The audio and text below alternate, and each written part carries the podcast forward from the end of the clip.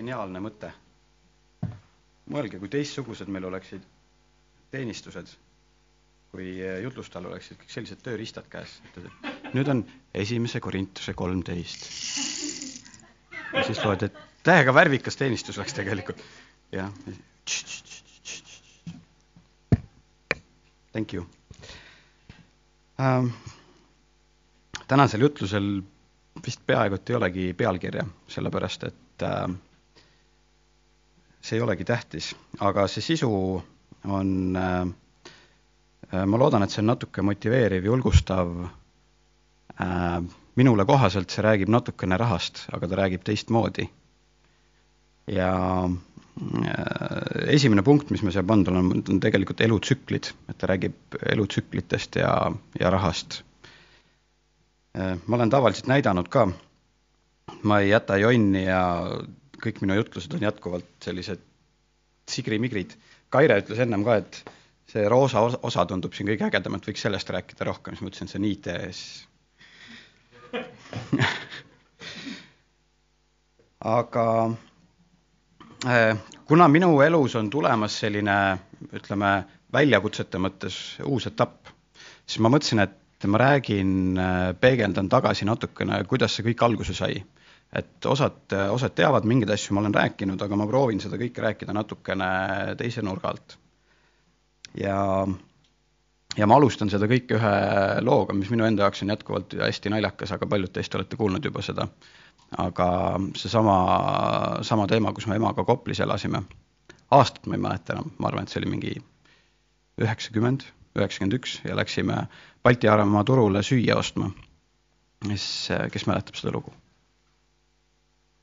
Kaire, jaa. ühesõnaga ostsime Balti jaama turult mingisuguse paari nädala toiduvaru endale ja tulime sellise suure kilekotiga koju. ja siis Kopli trammis läks see kilekott katki ja siis trammi põland oli kaetud hernevaibaga. et äh, äh, täna on see äge naljakas mõelda, tol ajal oli see selles mõttes, et lapsena ma mäletan seda emotsiooni, häbitunnet, asju, kus me seal emaga korjasime neid kokku nii-öelda sinna kilekoti sisse tagasi, et see oli meie mingi nädala või paari nädala söök. aga, aga see on stardipakett selles mõttes, see on see, kust mingil määral nagu asi, asi pihta hakkas. ja esimene kirjakoht, Pauluse kiri Timoteusele, kuues peatükk.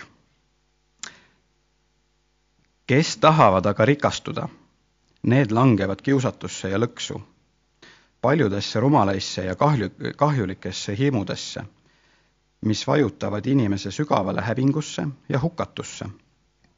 jah, kõige kurja juur on rahaarmastus, sest raha ihaldades on mõnedki ära eksinud usust ja on iseendale valmistanud palju valu.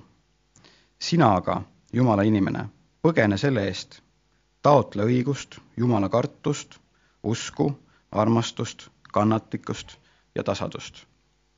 meil on, kui me võtame piiblis nüüd erinevad kirjakohad, siis selles mõttes on huvitav, et äh, seda hästi paljud inimesed toovad väga pühalt välja, äh, noh, mina olen seda korduvalt saanud, võib-olla mingi hetk ka põhjendatult, aga ühesõnaga, et kõik, mis on rahaga seotud ja raha ümber, halb, ära üldse, ära räägigi sellest, kirikus ei tohiks sellest mainidagi ja nii edasi kuigi rõhk on tegelikult siin, et rahaarmastus on kurja juur, mitte raha ei ole kurja juur. ja ma mõtlesin selle peale ka ja kuidas saab olla nii, et meil on mitmed kirjakohad, mis räägivad äh,, siin tulevad nüüd hiljem ka, mis räägivad nagu rahaga seonduvatest asjadest ja jõukusest positiivses võtmes, ja siis on sellised kirjakohad, mis justkui nagu hirmutaks ära, et kuule, ära nüüd üldse mõtlegi selle peale. ja ja üks oluline asi on see, et see kirjakoht räägib inimese südamehoiakust. et äh, kuidas sa seesmiselt kõigele sellele jõukusele ja rahale mõtled ja ma ütlen, et kindlasti ütleme siis tänu minu paketile, kust ma alustasin, siis äh, väga pikad aastad elust, noh, kui, kuna ma kõigepealt justkui pidin toime tulema ju ellujäämisega tegelikult, siis hästi palju mõtteid keerlesidki selle ümber, et ei mõtle nagu raha peale sellepärast, et tahaks osta endale mingit ägedamat korterit vaid mõtled raha peale sellepärast, et tahaks lihtsalt elada nii-öelda. aga ikkagi see tekitas selle, et äh, see oli üks selline igapäevane mõtteteema. ja üks oluline asi siia juurde ka, erinevad autorid räägivadki rahast erinevalt ja peame silma ees pidama, et need autorid räägivad parasjagu erinevatele inimestele. ja see oluline asi on seal see, nemad teavad, kellele nad räägivad ja millises eluetapis nad parasjagu on. Et kui siin see kirjakoht oligi nendele inimestele, kellel võib-olla oli suurem kiusatus, et nad kippusid minema seda teed, et hakkama raha armastama liigselt palju, siis neile oligi see sõnum vajalik. ja kohe ma mõtlesin ka siia juurde, et ega raha ei saa ainuke asi olla tegelikult, mis seda võib põhjustada, meil võib olla, me teeme mingit trenni väga hästi ja kuna me teeme seda hästi, inimesed on meie ümber, kes nagu tunnustavad meid, me võime uhkeks minna ka tänu sellele. Me võime laulda hästi ja tänu sellele me muutume uhkeks, sellepärast et me saame väga palju mingisugust äh, suurt tagasisidet, et selles mõttes on see raha, on see mingi meie hobi, mis iganes asi, tegelikult ei ole vahet. et südamehoiakut me peame vaatama enda äh, erinevates äh, kohtades ja, ja ma lähen siit edasi nüüd, mis järgnevate aastate jooksul juhtus. Äh, kool ja olulisem äh, etapp, ma räägingi, hüppan aastasse kaks tuhat, kaks tuhat kuni kaks tuhat neli ma läksin Tallinna Polütehnikumi õppima IT-d.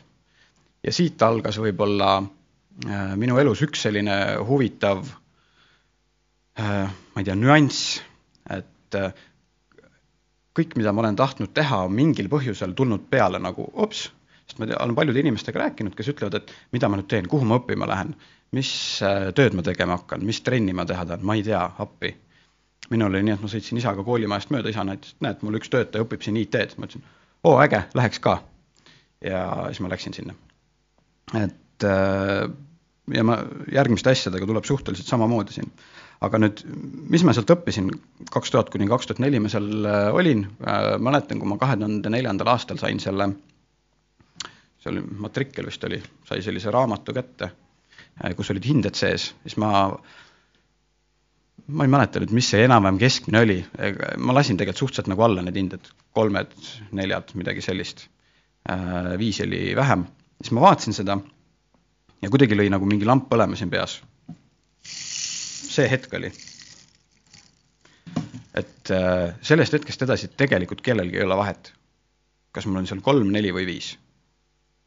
Ja mingis mõttes mõtlesin, et ma oleks tahtnud seda, et keegi oleks mulle varem öelnud, mitte sellepärast, et nagu veel vähem pingutada, aga see oli, oleks mingisuguse stressi maha võtnud, sest mäletan, et paljud ka seal koolis käisid läbi seda niimoodi, et ma pean saama selle a la nelja või viie, kui ma ei saa, siis juhtub midagi halba, siis minu arust, ma ei tea, töö juures või mis iganes asjas midagi nagu toimub, et ma isegi ei tea, kust see tuleb, natukene võib-olla ema poolt mingi nõu-, nõukaaegne selline mõtlemine, täpselt ei mäleta enam, aga, aga oli kogu aeg peas see, et peab olema hullult hästi, siis sain kätte selle, et oli nagu suhteliselt hästi, siis mõtlesin, tegelikult mingit pätt ei ole.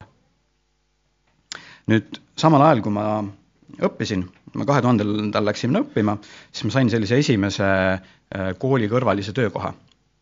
see on minu kõige esimene ja kõige lühem töökogemus üldse. Äh, vist oli kaks tuhat üks aasta, kui ma läksin, sinna oli IT-firma, kes tõi Soomest arvuteid ja siis me pidime need arvutid korda tegema. tempo oli peal hästi kiiresti ja läksid edasi müüki. siis ma jõudsin seda teha vist umbes kaks nädalat võib-olla sellel ettevõttel on teistsugune nii-öelda ettekujutus minust või mälestus, aga äh, seal oli selline alkoholijoogikultuur, et müügimees, kes oli, siis oli täiesti tavaline, et keset päeva oli üks või kaks õlut ja ma ei tea, see aitas tööd paremini teha, mõtet puhtaks saada. Ja siis me lõ-, ja siis mingi hetk ta ütles mulle, et äh, lõunale lähed, mine too mulle õlut. aga mul oli see hetk juba äh, imelik selline põhimõte, mina ei osta õlut või ma ei osta alkoholi. kuna jälle naljakas, et kasvasin üles Koplis, kõik sõbrad, nagu enamus sõpru, kes olid, jõid alkoholi, nädalavahetustel istusime kõik koos kuskil ja minust nagu läks see mööda, aga ikkagi ma olin selles seltskonnas, aga mingi põhimõte oli peas, ma lihtsalt ei osta alkoholi ja kõik. ja siis ma ütlesin sellele müügi, müügimehele, sorry, ei saa, läksin poodi. ja järgmine päev ettevõtte omanik kutsus minu juurde, ütles, Kuno, ära enam homme tule. et ja nii oligi. et äh, seda ettevõtet ei ole täna minu meelest enam, et selles mõttes. Siis äh, koolis tuli meil praktika, praktika oli kahe tuhande teisel aastal ja see pidi kestma mingisugune pool aastat.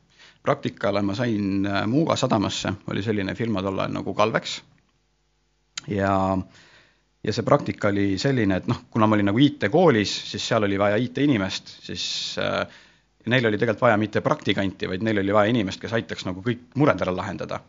siis mäletan, et esimene päev, kui mind sinna viidi, istusin arvuti taha, need mingid hullud süsteemid, mida ma ei olnud elu sees näinud, ja põhimõtteliselt esimese poole tunni jooksul hakkas nagu inimesi sisse sadama, sest et nad kuulsid, et nüüd on neil tark IT-mees, kes teab kõike.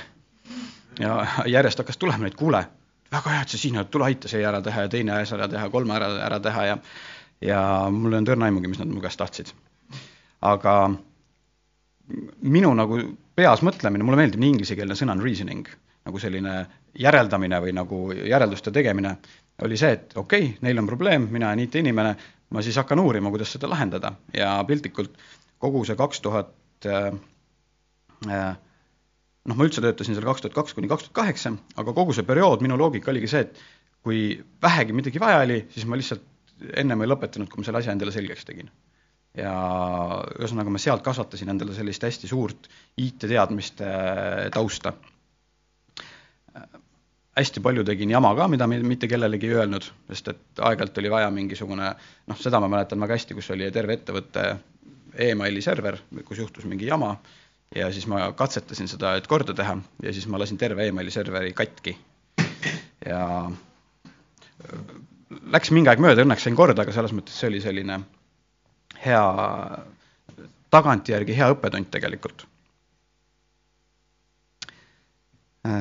siis, aga mis ma sealt kaasa, ma üritan iga asja kohta öelda, et kui ma seal ära käisin, mis ma sealt nii-öelda kaasa sain.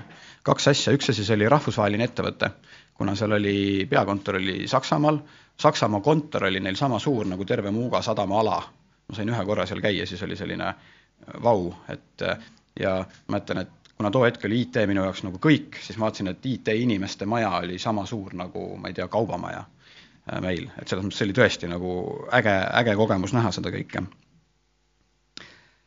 et jah, seal ma olin kaks tuhat kaks kuni kaks tuhat kaheksa, siis ma liikusin edasi ütleme, kristliku juhtimisstiiliga ettevõttesse. kaks tuhat kaheksa kuni kaks tuhat kümme oli selline ettevõte nagu ICT Support, mis tegeles ka IT-ga. ja Joel Võsu oli selle juht, võib-olla mõned teavad, Alliki töötas ka seal äh, mõnda aega, ma ei tea, kas sa, sa töötasid ka peale mind veel seal, mina läksin ennem ära. Ja mis seal oli kihvt, mis ma nagu kaasa võtakski, et seal oli selline põhimõte, et kõik esmaspäevad algasid palvega, et kogunesime kokku ja kogu nädala nagu, et sa ei palveta nagu lihtsalt, et Äh, tänan Jumalat ja nii edasi ja tervise pärast, aga sa palvetad nagu konkreetselt ettevõtte käekäigu pärast. ja sellepärast oli kihvt näha, et sellel ettevõttel oli ja see täna, siiamaani on see ettevõte olemas ja toimetab, et ambitsioon ei ole olnud kunagi kasvada väga suureks, aga nad on tahtnud teha enda valdkonnas asja hästi ja seda nad on ka tegelikult teinud ja kliendid väärtustavad neid sellepärast, et neil on selline personaalne suhe kliendiga. et ja kihvt oli ka see, et kliendid tegelikult teadsid, et ettevõttes on kristlased ja mitte keegi ei olnud selle vastu, vaid see oligi selline nagu oo, äge, et näete, et te teete sellist asja. siis sealt ma liikusin edasi kahe tuhande kümnendal aastal jätkuvalt veel IT, IT-valdkond, oli selline firma nagu GT Tarkvara. ja, ja seda ma nüüd toon, et mis aitas mul nagu järjest edasi liikuda, oli tegelikult seesamane põhimõte Äh, selles teises töökohas, et kõik, mida ma selgeks tahtsin saada, ma hästi põhjalikult õppisin ja õppisin ja õppisin, sellepärast et see tegigi mind minu valdkonnas lihtsalt nendes asjades hästi nii-öelda teadjaks. ja järgmised ettevõtted märkasid seda ja ütlesid, et okei okay,, meil on sellist inimest vaja ja tule meile tööle. ja kui ma alguses alustasin siis arvutite kokkupanemine ja remontimine ja nii edasi, siis see töö liikus aina rohkem selliseks konsultatsioonitööks ehk me hakkasime nõu andma nii-öelda teistele ettevõtetele, kuidas oma süsteeme üles ehitada ja mida nendega täpselt teha.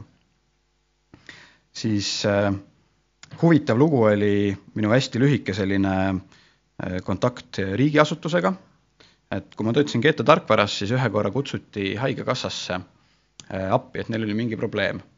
Ja Haigekassas juhtus äh,, oli IT-mees, kes oli selline hästi käreda sõnaga, et äh, ta nii-öelda teadis hästi palju, aga ta natuke, ütleme, et tema jaoks oli keeruline võib-olla suhelda siis teiste töötajatega seal nii-öelda ilusti öeldes.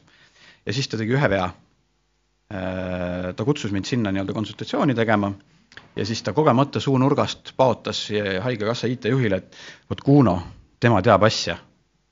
ja siis Haigekassa IT-juht mõtles, vau, et kui meil see IT-mees selle inimese kohta ütleb midagi positiivset, siis tähendab, et seal peab midagi olema.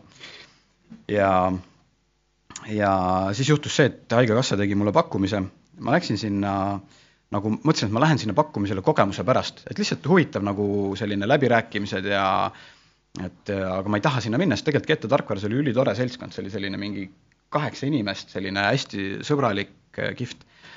ja äh, rääkisime, rääkisime, ütles noh, et kuna ütles, palju, palju sa palka tahaks, siis ma nagu täiesti lampi ütlesin kaks korda suurema numbri, kui ma praegu sain. see IT-juht nüüd ütles, nojah, see asi, ahah.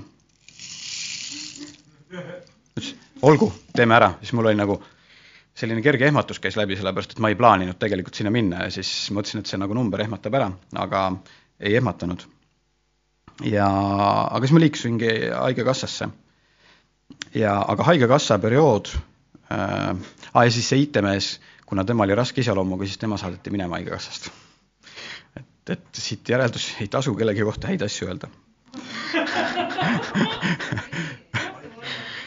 et äh, aga tegelikult hiljem, kui ma seda tüüpi kohtasin, siis ma sain aru, et oli pigem hea, sellepärast et tal oligi selline vajadus võib-olla sealt ära saada, oma eluga edasi liikuda, järgmised väljakutsed, mis talle tulid, et äh, olid head, tegelikult päeva lõpuks oli nagu kõik, äh, kõik hästi.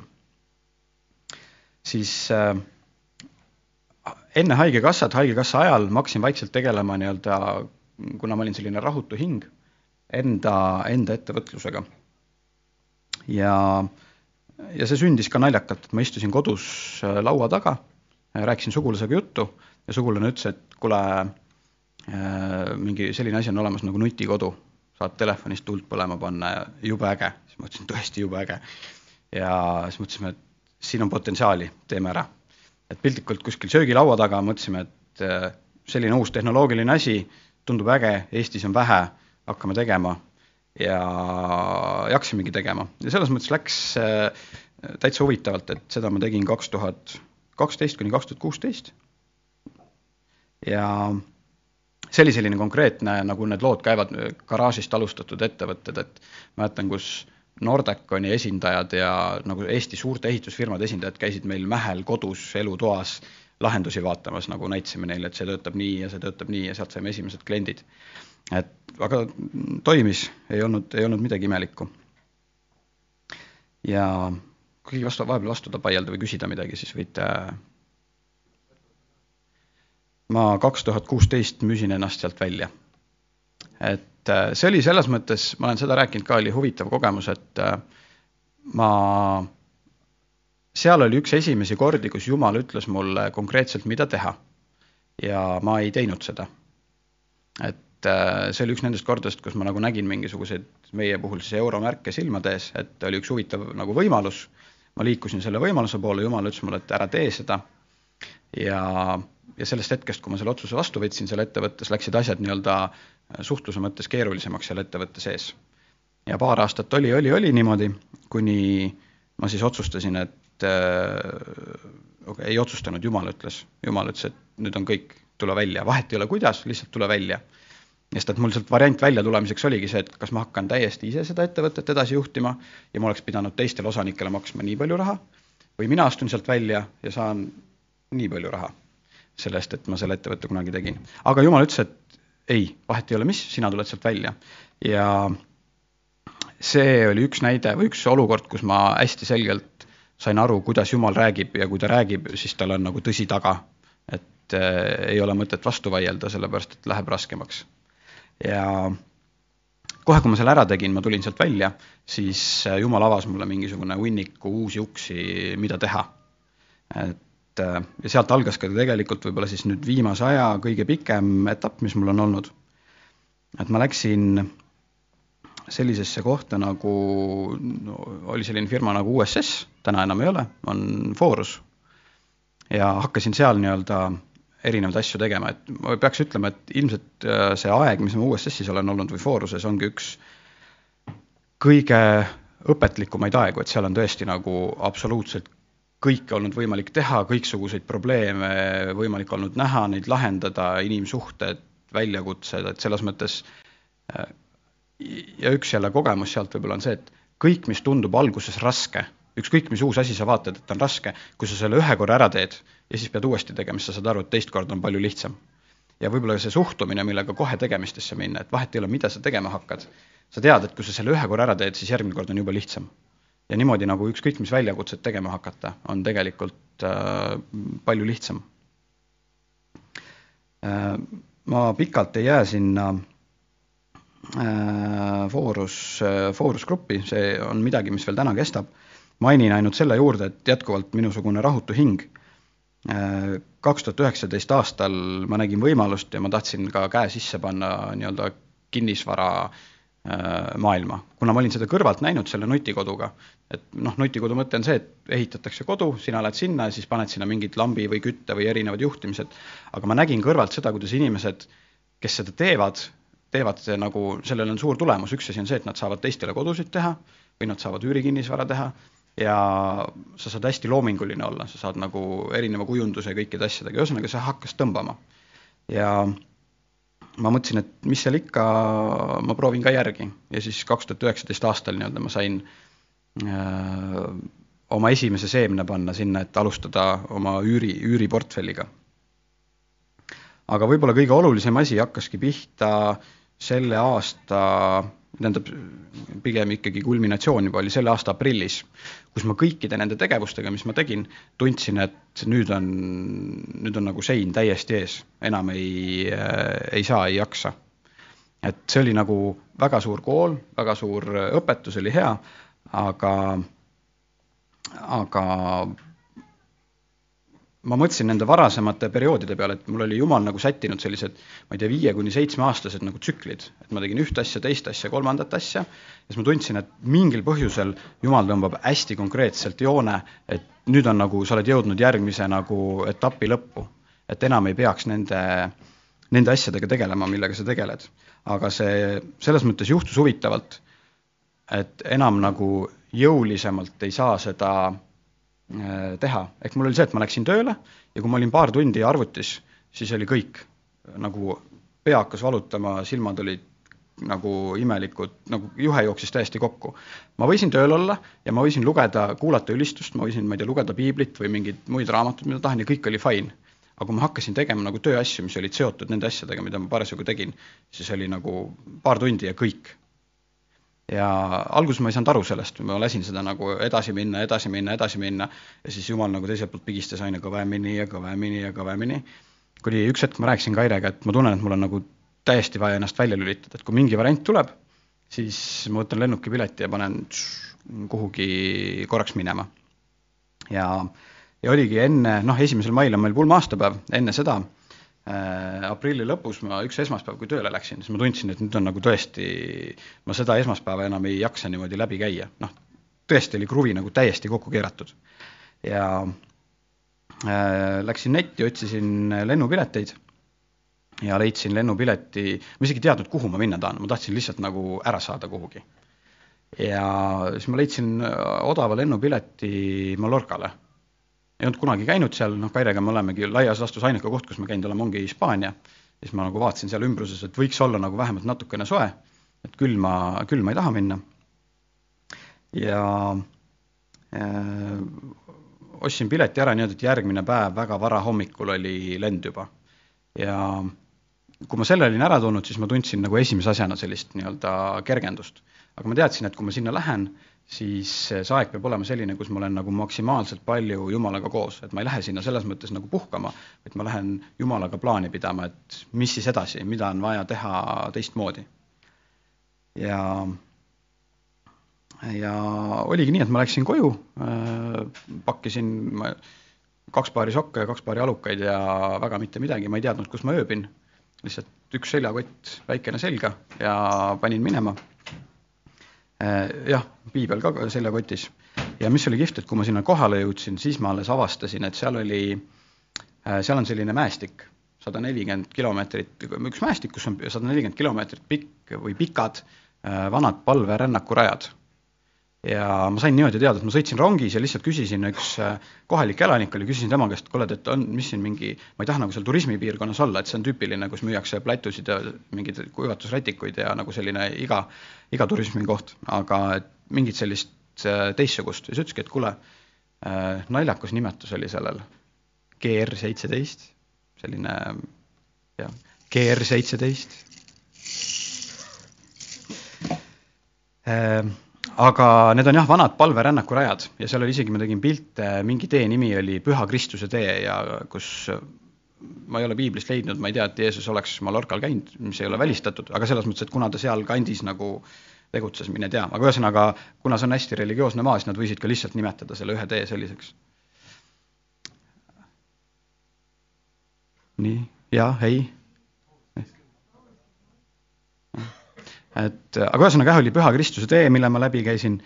Ja aga ütleme, need palverännaku teed nägid välja sellised enam-vähem meetri laiused ja trepiastmed mäkke üles ja alla ja paremale-vasakule igast oliivipuude, apelsinipuude, kõikide vahelt mingid kitsed, lehmad.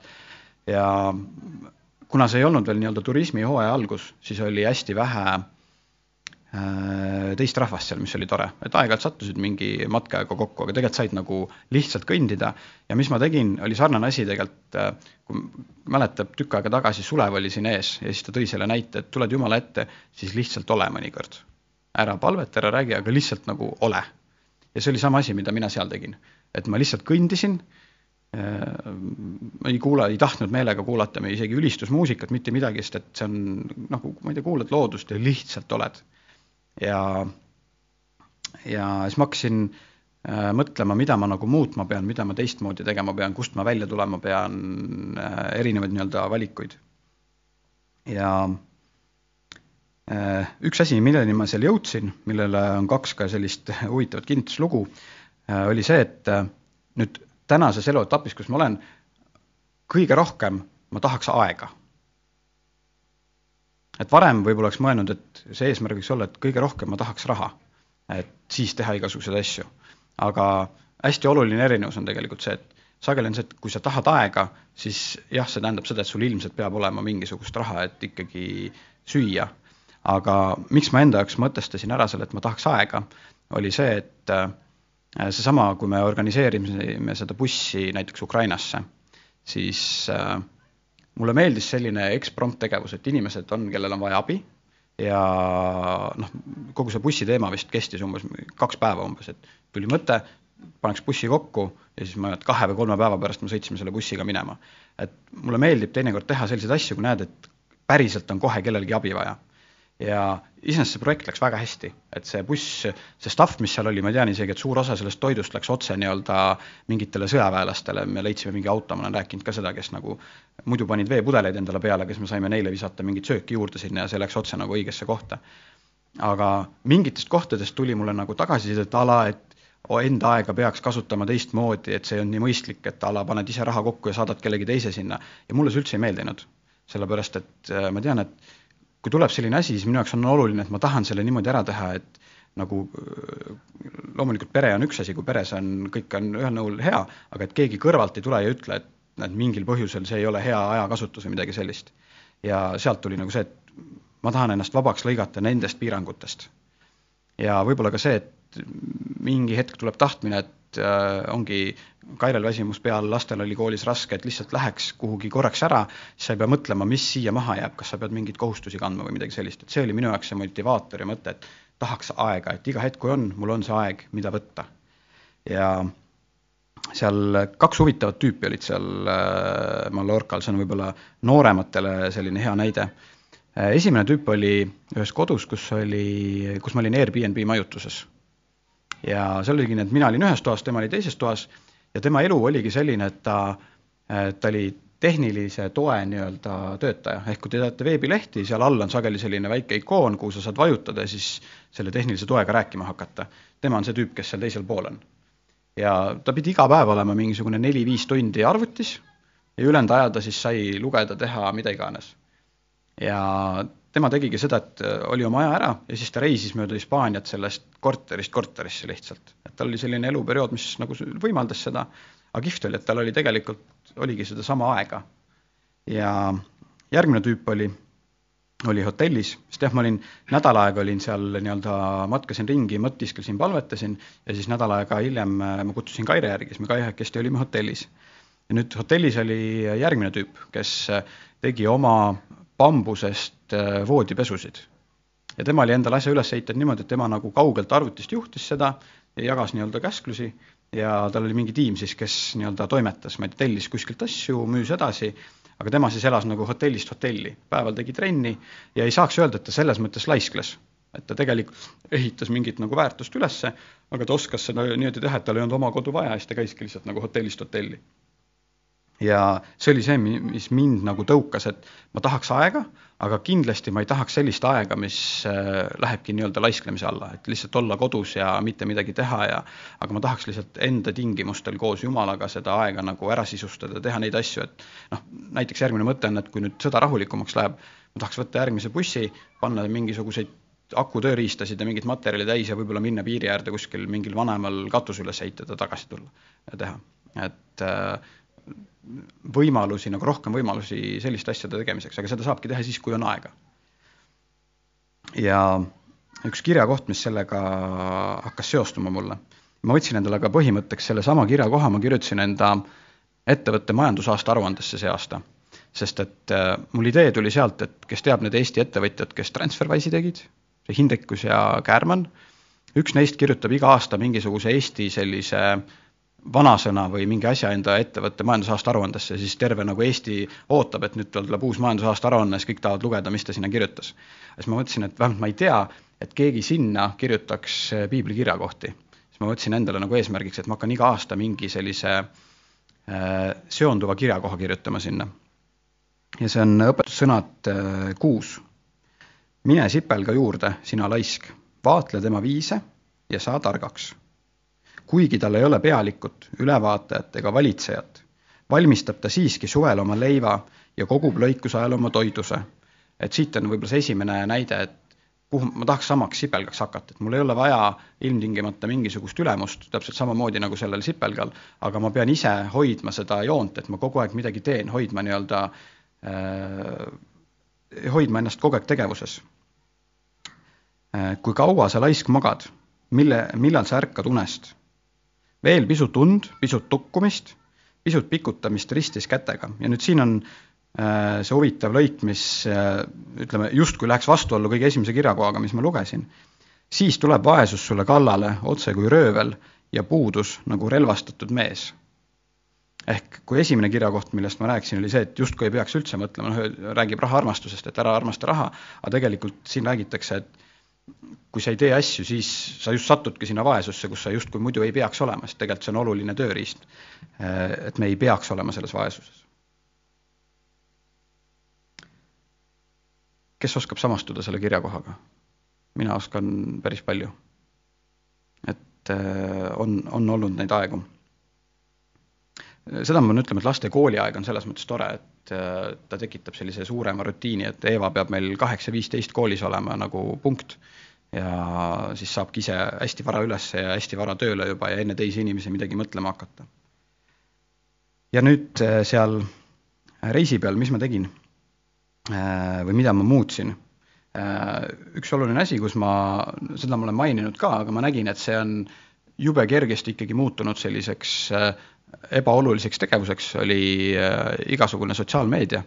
sest ma avastasin ennast mitmel hetkel, et sõidad autoga, punane tuli roheline tuli, punane tuli, lähed, lähed magama.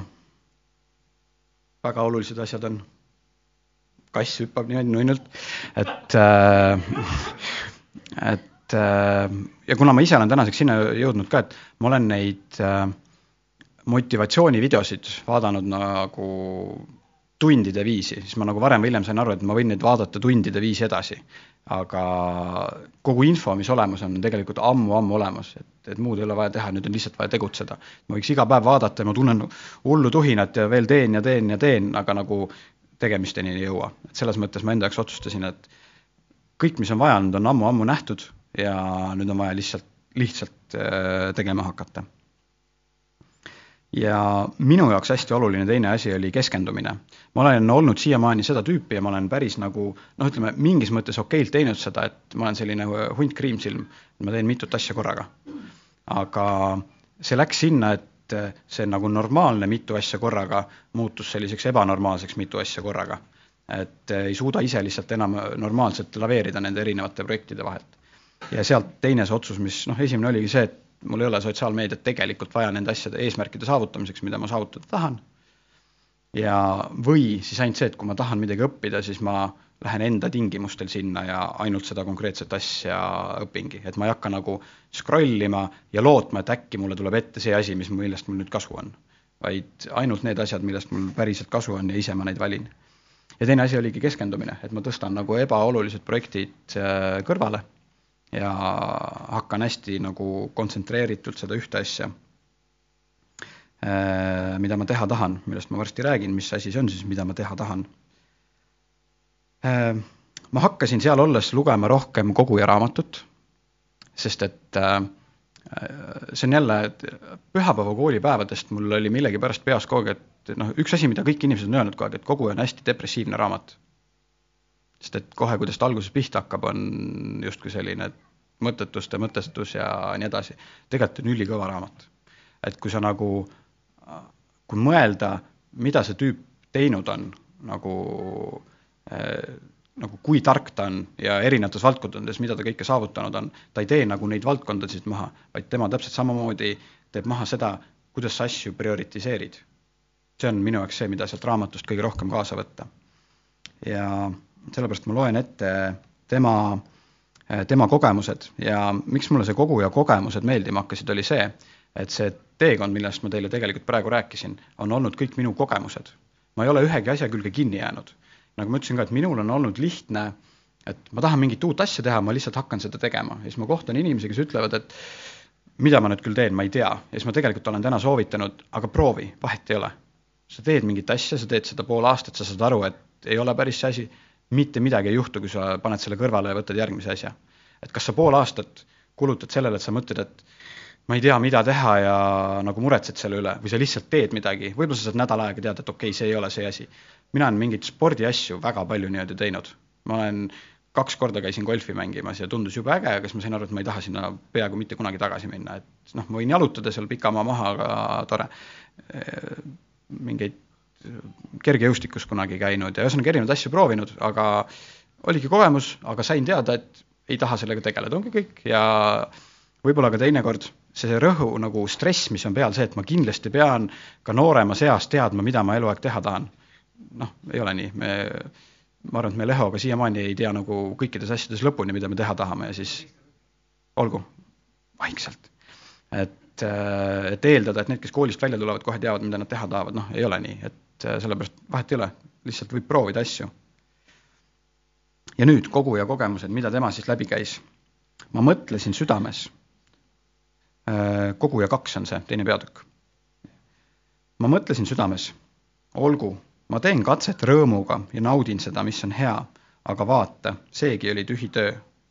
ma ütlesin naerule, hull ja rõõmule, mis sellest kasu on ma võtsin südames nõuks virgutada oma ihu veiniga ometi nõnda, et mu süda mind targalt targu juhiks ja haarat- ja haarata kinni rumalusest, kuni ma näen, mis inimlastel on kasulik teha oma üürikesel elupäevil taeva all. ma tegin suuri tegusid. ma ehitasin enesele kodasid, istutasin enesele viinamägesid.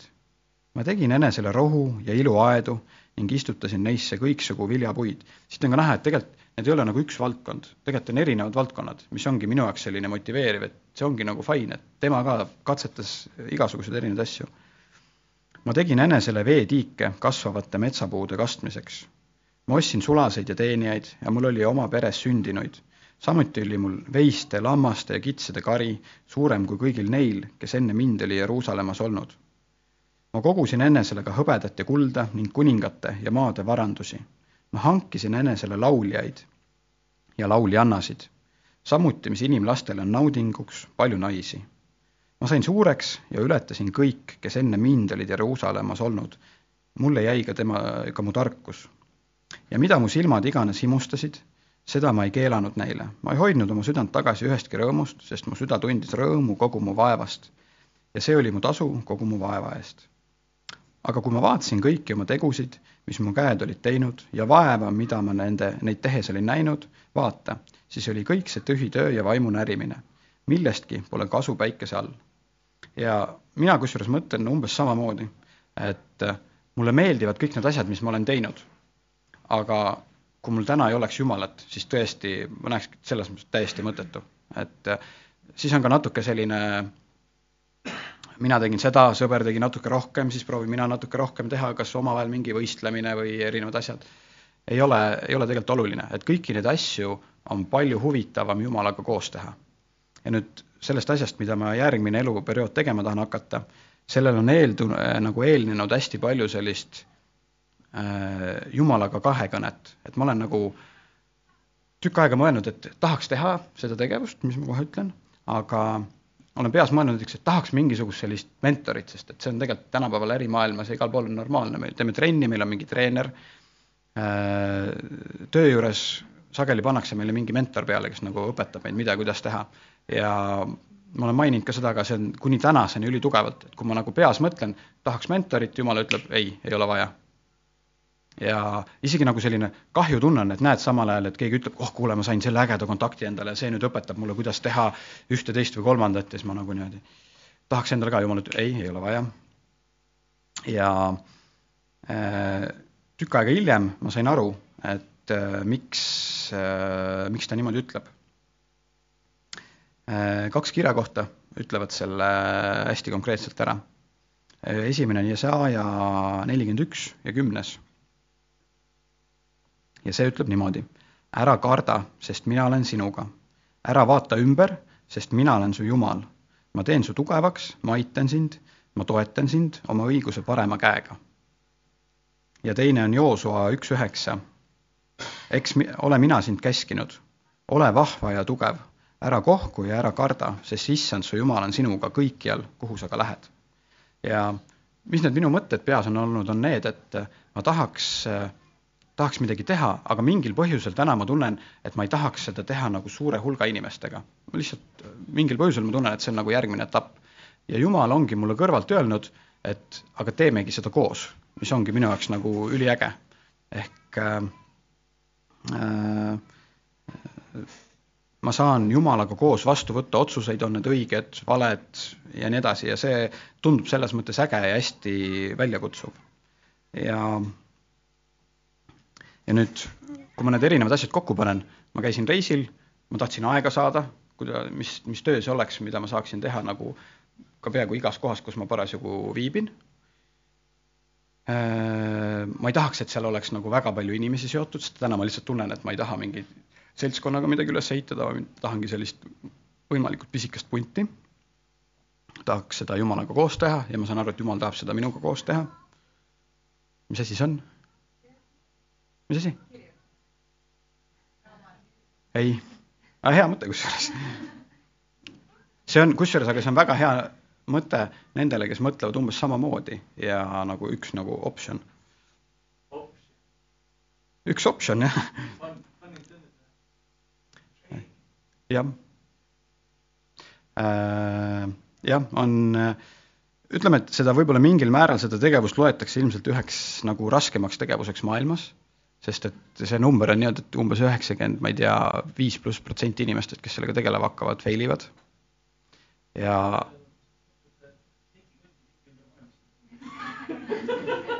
kellele ei, ühesõnaga, see on äh, kauplemine finantsturgudel, et see on selline hästi nagu spetsiifiline ala, mida ma esimest korda katsetasin aastal kaks tuhat kaks. et sellega ongi huvitav olnud see, et ma kaks tuhat kaks aastal nagu esimest korda olles IT-tööl arvuti taga, proovisin mingeid asju ja vaatasin, et see on huvitav, aga ma ei jõua sellega tegeleda. ja niimoodi ma olen nagu iga aasta natukene sinna tagasi tulnud, vaadanud, et ikka on huvitav, aga siis aru saanud, et ma sellega ikka tegeleda ei jõua. ja ma ise arvan, et Jumal on mind mingis mõttes nagu valmis ehitanud. kõik need kogemused, mis ma olen saanud enda erinevates töökohtades inimestega suheldes, eriti oluliselt psühholoogilised kogemused need on need, mida täna selles valdkonnas on kõige rohkem vaja. sest et number üks põhjused, miks inimesed selles valdkonnas ebaõnnestuvad, on psühholoogia. sellepärast, et äh, psühholoogiliselt on see hästi-hästi nagu kurnav või raske. ja aga ma ise vaatan tagasi ja noh, ma täna näengi ühesõnaga, et ei ole nagu õigemat ja paremat hetke minu jaoks, et seda tegema hakata. Ja ma näen ka, et need viisid, kuidas ma seda õppinud olen, ehk terve suvi, kui ma tundsin, et ma ei saa nagu arvuti taga tööd teha, ma lugesin läbi sellise hunniku raamatuid, ehk ma alustasin selles mõttes ka teistpidi, nagu enamik inimesi alustavad. Äh, enamik inimesi alustavad sellest, et nad võtavad oma mingi raha, mis neil on, nad panevad sinna netikeskkonda ja siis üldjuhul, nagu ma ütlesin, üheksakümmend viis pluss protsenti kulutavad selle raha ära, sest et nad ei tea veel, mida teha. Aga mina alustasin sellest, et ma lihtsalt hakkasin lugema kõikide inimeste kogemusi, kes on selles nagu hästi midagi teinud. et äh, siit võib-olla mõte teile või kaasa, et äh, sageli tasub võtta aega ja see asi, mida te tunnete, et äh, tahaks teha, lihtsalt hästi põhjalikult sinna süveneda ja õppida ja õppida õppida kõigepealt ja siis hüpata, hüpata sinna sisse. kas keegi tahab midagi küsida vahepeal? ma tahan küsida, et jah. Jutu algusesse tagasi, et kui sul see esimene töökoht oli üheksakümnendate alguses, nagu keegi palus sul õlut tuua poest, kas sa olid siis juba kristlane? Äh, jah, ma võin rääkida sellest teemast korraks, olin küll kristlane, aga ja tänaseni küsitakse minu käest, kas minu alkoholi joomine ja kristlus on kuidagi omavahel seotud. ma arvan, et aus vastus on, et äh, ei ole. minu alkoholi mittejoomine jah äh,. Ma arvan, et ei ole äh, kui ma lihtsalt mõtlen tagasi lapsepõlve peale, äh, kõik need sõbrad, keda ma nägin noh, ma kasvasin Koplis ülesse. Äh, iga päev võeti nagu mingit õlut, suitsetati ja sealt mul tekkis võib-olla mingisugune pilt, et ma nägin neid nagu niisama olekus ja ma nägin neid ka siis nagu selles joogises olekus. ja kuidagi minu jaoks oli ülioluline see, et ma ei taha, ma ei näe, näinud nagu loogilist põhjendust, miks ma tahaks olla samas seisukorras, nagu nemad olid. et me saime kokku, istusime, meil oli tore ja siis õhtuks või järgmiseks hommikuks neil oli ülihalb olla ja mina olin ainuke, kes mäletas, mis me tegime. et äh, siis kuna ma olen võib-olla selline noh, enda jaoks pean kõik asjad hästi ära põhjendama, siis on nagu üks pluss üks lihtsalt, et kui nad võtavad, pärast on paha olla, ma ei taha seda, et äh, loomulikult äh, käisime korraks töökohaga nüüd Prantsusmaal, seal on veinikultuur hästi tugev ja äh, Äh, inimesed käivad lõunasöögil või kus iganes, joovad pokaali veini ja ja minu käest kusjuures küsitakse ka nüüd, et seltskonnas, kus ma olen, ka töökaaslased, kuule, sa joo, et kui me nüüd siin kõik joome, et kas sa arvad, et me oleme imelikud? ei, et noh, ma isegi ei tea, miks nagu see tuleb, aga see, et mul on täiesti ükskõik, kui keegi teine nagu võtab, see on selles mõttes tema enda valik. ja kui ma olen kuskil seltskonnas ja keegi võtab mingi prae kõrvale veini, las ta võtab, tore, et selles mõttes ja ma pean tunnistama ka, et see selle tegemise kultuur, ma sain nagu rohkem aru, kuidas tehakse valget veini, punast veini, miks ja kõik see asi sinna juurde oli tegelikult hästi huvitav. et kas te teadsite seda, et äh, punastest viinamarjadest tehakse valget veini? Et äh, aga noh, ühesõnaga see ei ole praegu oluline, aga see on, ühesõnaga kogu see nagu kultuur ja ajalugu sinna juurde oli hästi huvitav nagu õppida. aga jah, see, seda jonni ma olen kusjuures tänase päevani ajanud, et ma arvan, et neid ma ei tea, kas ma üldse olen või alati, kui ma olen mingil põhjusel on kuskil tahetud osta alkoholi, siis ma olen kellegi kaasa võtnud, öeldud, et nüüd sina ostad seda ja ma, ma lihtsalt ei taha ja võib-olla täna ongi selline lihtsalt jonn, et ma lihtsalt ei taha osta, ongi kõik.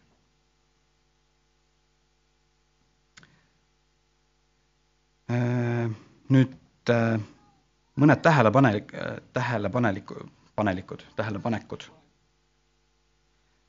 äh, eks ma kasvan ikkagi mingite sõpradega koos ja nagu jagame infot ja mõtleme, mis ja kuidas ja kahjuks ma näen, et hästi palju ikkagi on ümberringi seda, et tahaks hästi palju ja kohe. ja on see raha või midagi muud, mina antud kontekstis räägin rahast, ja ma näen, kui palju see mõjutab halvasti. et eh, see üks asi paneb tegutsema vales suunas, sellepärast et kui sa tahad hästi palju ja kohe, siis sa pead tegema mingisuguseid hästi riskantseid ja äh, Äh, selliseid väga väikese tõenäosusega õnnestuvaid asju ja jällegi enamasti need tegevused ei õnnestugi ja siis ma kõrvalt vaatangi sõpru, kellega ma räägin ka, et okei okay,, et võta rahulikult, hakka nüüd nagu laduma mingit posti ja hari ennast ja tee mingeid, vahet ei ole, mis valdkonnas tegevusi, aga sa jõuad sinna mingi paari aastaga, kolme, nelja, viie aastaga palju kindlamini või on see, et me saame viie aasta pärast uuesti kokku ja sa ikka proovid teha oma risk-, riskantseid asju, lootes saada korraga hästi palju, aga tegelikult teine vend, noh, tasa sa jõuad, sa jõuad, kaugele jõuad, on tegelikult nagu väga hea selle kohta. ehk äh, ma kirjutasin ka, et edu on pikamaa jooks, mitte sprint ja vahet ei ole, mis valdkonnas, see on, spordis sa ei saa mitte kuidagi, et tahaks kohe täna joosta maratoni alla nelja tunni, kui ma ei ole kunagi varem jooksnud. ükskõik kui kõvasti sa ei proovi, aga ei, ei jookse seda ära niimoodi. et äh, pead järjepidev olema, kogu aeg tegema, tegema, tegema. ja ma mõtlesin, et ma kommenteerin ka täna nagu tänast hetke, kuidas mina seda nagu meie majanduses näen, hästi, ma ei lähe üldse sinna nagu sügavalt sisse, aga seesama Sipelga kirjakoht mis on minu meelest äh, ülihea. et äh, täna meil igal pool noh, Leho on selles valdkonnas sees, tõstetakse intresse ja laenumaksed lähevad kallimaks ja siis lõpuks palgad lähevad väiksemaks ja inimesed kaotavad töökohti. Äh, enda jaoks nagu ma pean ütlema, et kahjuks see kõik on ette teada ja see on teada, et see varsti saab läbi ja see on teada, et see umbes mingisuguse võib-olla viieteist aasta pärast juhtub uuesti, et täna terve meie majandus ongi nii üles ehitatud, selles mõttes see ei ole nagu, see ei saa olla üllatus kellegi jaoks. ja kui ma endale mingi hetk selle selgeks sain, et tegelikult see on normaalne nii mingis mõttes tegelikult ütleme, et nii nagu tänane majandus on üles ehitatud, teistmoodi ei saagi. siis äh, see tekitab sellise kindlustunde, et sa tead, et äh, juhtubki see asi ja nüüd see Sipelga kirjakoht, mis piibel meile ette ütleb, et nüüd olen mina teile ka öelnud seda, et te teate, et see on normaalne ja see juhtubki, see juhtub tulevikus uuesti, aga mida teha? Äh, kuigi tal ei ole pealikut, ülevaatajat ega valitsejat, valmistab ta siiski suvel oma leiva ja kogub lõikuse ajal oma toiduse. ja miks seda vaja on? seda on vaja selle perioodi jaoks, mis on praegu. ja kas see praegune periood kestab veel kolm kuud või neli kuud, seda ei tea, seda ütleb ka piibel, et me ei tea seda tegelikult, mis homme juhtub. aga teadmine, et see periood, mis praegu on, tegelikult käib asja juurde ja peale seda lähevad asjad jälle paremaks, see nagu lohutab, aga lihtsalt piibel ütleb meile hästi konkreetselt, mida me peaksime tegema, et selliseks perioodiks valmis olla. ja kui me oleme selleks perioodiks valmis, siis tegelikult ei ole vahet äh, väga, mis juhtub. kas keegi tahab vastu vaielda?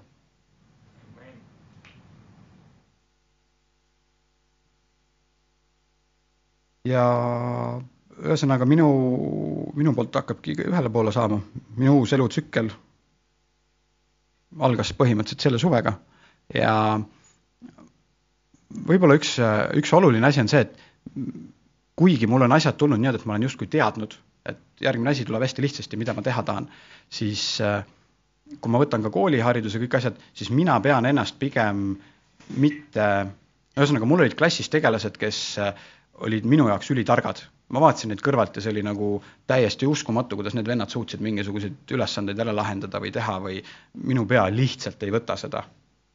ja ühesõnaga mina nagu, kui me sellise mõistuse järgi paneme, siis mina paneks nemad siia ja paneks ennast siia. aga kuna Jumal on piiblis andnud mingisugused lubadused ja öelnud, et kui tema on meiega koos, siis meil ei ole vaja karta, siis tänu sellisele olukorrale ma tahangi vastu võtta mingit tegevust, mis mingis mõttes tundub tegelikult jabur. enamik inimesi maailmas ei saa sellega hakkama. ma ütlen ausalt, mina ei tea, kas ma sellega hakkama saan.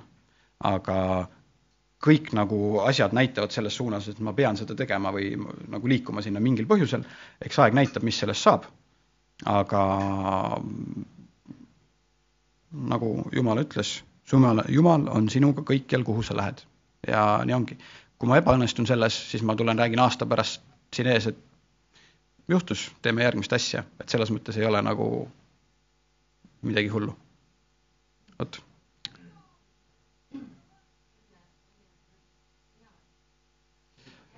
To be continued, aga eks meie elu ongi selles mõttes üks, äh, üks seriaal.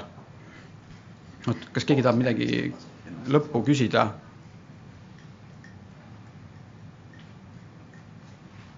Leho sunnib. aga ma teen lõpupalve, mitte lõpupalve, aga jutluse lõpupalve ja siis tuleb Janek siia. kallis Jumal, ma tänan sind selle eest, et sa sa juhid meid meie tegemistes ja ma palun, isa, et sa oleksid oleksid meie juures kõikides valikutes ja kõikides tegevustes, mis me teeme. ma tänan, et kogu, kogu tarkus tuleb sinu käest ja kas see on tööalane, trennialane, kodualane, vahet ei ole, mis asi ei saa, aga ma tänan, et, et sina oled meiega. palun õnnista igat ühte inimest siin ja kellel on peas võib-olla mõtted, et mida teha või kas ka on järgmine nii-öelda etapp elus, et on vaja otsustada, kuhu minna või on vaja praegu midagi muuta, isa, siis palun ole sina igaühega meist ja, ja anna meile oma tarkust. isa, ma tänan sind selle eest, amen